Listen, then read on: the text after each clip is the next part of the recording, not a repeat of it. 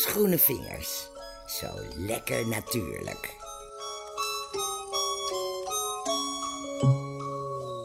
Ik doe het wel. Ik doe het niet. Ik doe het wel. Nee, ik doe het niet. Ik doe het wel. Nee, ik doe het niet. Ja, ik doe het toch wel. Vandaag gaan we het over het madeliefje hebben. Dit is de elektronische secretaresse van Annie's Groene Vingers. Laat een boodschap achter na de piep. Annie, oh Annie, ik ben zo enthousiast. Ik zit eh, op gitaarles. Zal ik even een stukje laten horen?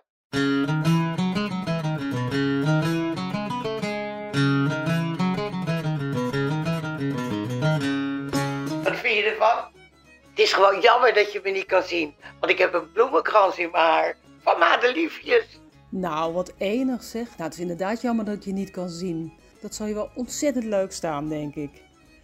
Trouwens, uh, dit is toch Keltische muziek?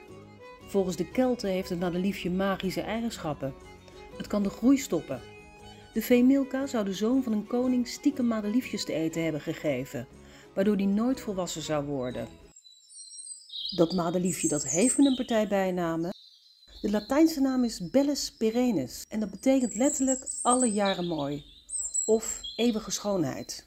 Het madeliefje wordt ook wel meizoentje, koeienbloem, schapenbloem, beekveldbloempje, dijkbloempje, grasbloem, mariabloempje, meibloempje, meizuivertje, weilenbloempje of junibloem genoemd. In het Engels betekent het daisy. Het is alweer een tijdje geleden, namelijk 1892, en ik kwam een nummer tegen dat heet Bell, Bicycle Built for Two. En dat nummer dat heeft een heel bekend refrein. Daisy, Daisy, give me your answer, do. I'm half crazy, all for the love of you.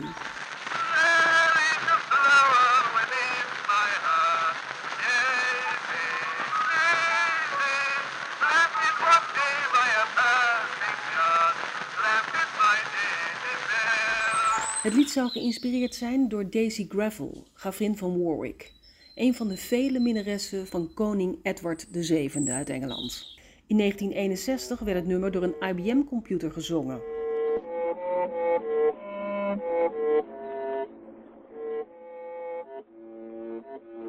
Het madeliefje is een van de bekendste planten ter wereld.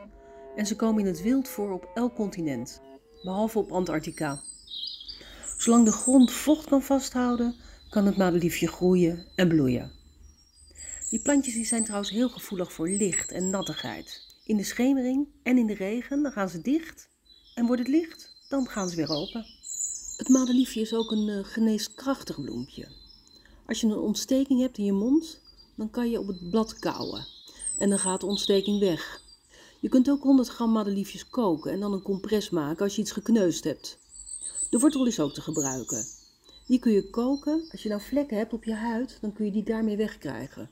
Het schijnt ook te werken als je acne hebt. Gingen madeliefjes plukken, eentjes voeren eindeloos. Kijk nou toch, je jurk wordt nat, je handjes vuil en papa boos. Je zal er nostalgisch van worden, van het nummer Op een mooie Pinksterdag van Leen Jongewaard en André van de Heuvel. Geschreven door de onovertroffen Annie M. G. Schmid. En de muziek is natuurlijk van Harry Banning. Madelief, wat gaan we doen?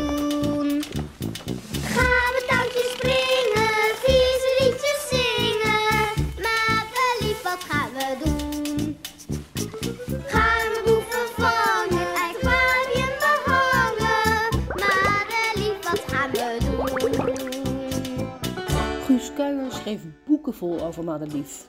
Krassen in het tafelblad, met poppen gooien, grote mensen, daar kan je maar beter soep van koken, een hoofd vol macaroni. In 1993 maakte de VPRO er een tv-serie van. En in 1998 werd er een speelfilm gemaakt over Madelief. De boeken over Madelief zijn vertaald in het Duits, Zweeds, Italiaans, Frans en Japans.